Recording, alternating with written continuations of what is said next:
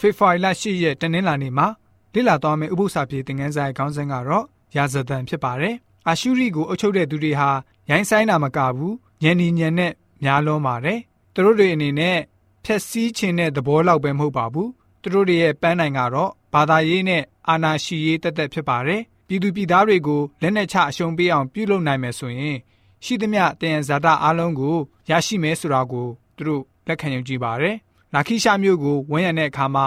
တနာခေဟာ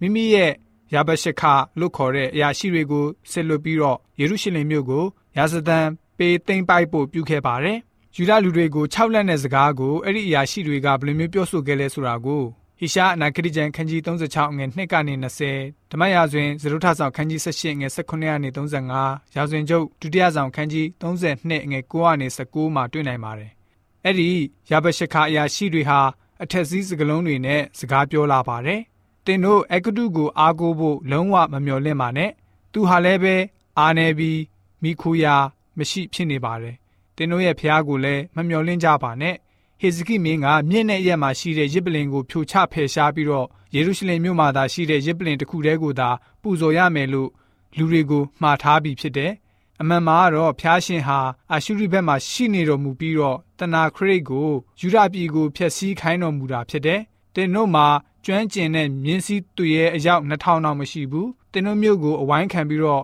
အစာပြက်ရင်ငတ်နေမဲ့အစားမှာ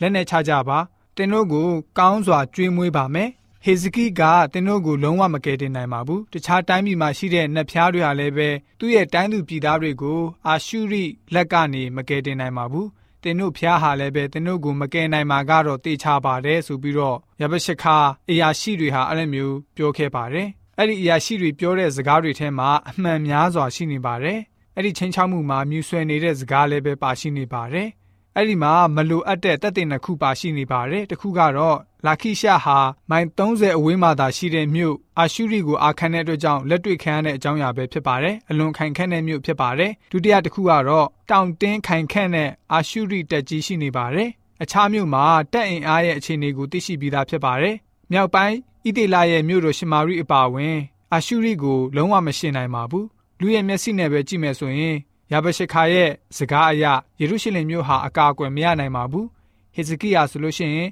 မြင့်တဲ့အရက်မှာရှိတဲ့ရစ်ပလင်တွေကိုဖြိုဖျက်ပြီးတော့ယေရုရှလင်မြို့မှာရှိတဲ့ရစ်ပလင်တစ်ခုတည်းကိုသာပူဇော်ဖို့ပြောတဲ့ယာဘရှခါရဲ့စကားဟာလည်းပဲအမှန်ပဲဖြစ်ပါတယ်ယေရုရှလင်မြို့မှာရှိတဲ့ဗိမာန်တော်မှာသာဝတ်ပြုရမယ်လို့အမိန့်ချထားတာဟာလည်းပဲအမှန်ပဲဖြစ်ပါတယ်။ဒါပေမဲ့အဲ့ဒီအချက်ဟာဖျားသခင်ရဲ့လူတွေကိုကာကွယ်နိုင်မှာလား။ဖျားရှင်ဟာမိမိရဲ့လူတွေကိုကယ်တင်နိုင်မှာလား။ အဲ့ဒီမေကွန်းကိုဖြည့်ဆူနိုင်တဲ့သူကတော့ဖျားသခင်ပဲဖြစ်ပါတယ်။ကျွန်တော်တို့ယုံကြည်သူများအနေနဲ့ခုနအလိုမျိုးအခြေအနေမျိုးကြုံခဲ့ဘူးရပါသလားကျွန်တော်တို့ယုံကြည်သူများအနေနဲ့လုံးဝမျှော်လင့်ချက်မရှိတဲ့အခြေအနေမျိုးနဲ့ရင်ဆိုင်တွေ့ကြုံလာရတဲ့အခါမှာကျွန်တော်တို့လွတ်ဆောင်မယ့်အရာကတော့ဖျားရှင်ကိုသာအပြည့်အဝအားကိုးယုံကြည်ခြင်းပဲဖြစ်ပါတယ်ဆိုတာကိုသိစေဖို့အတွက်တနင်္လာနေ့ဥပုသ္စာဖြစ်တဲ့ငန်းစာကဖော်ပြထားပါတယ်။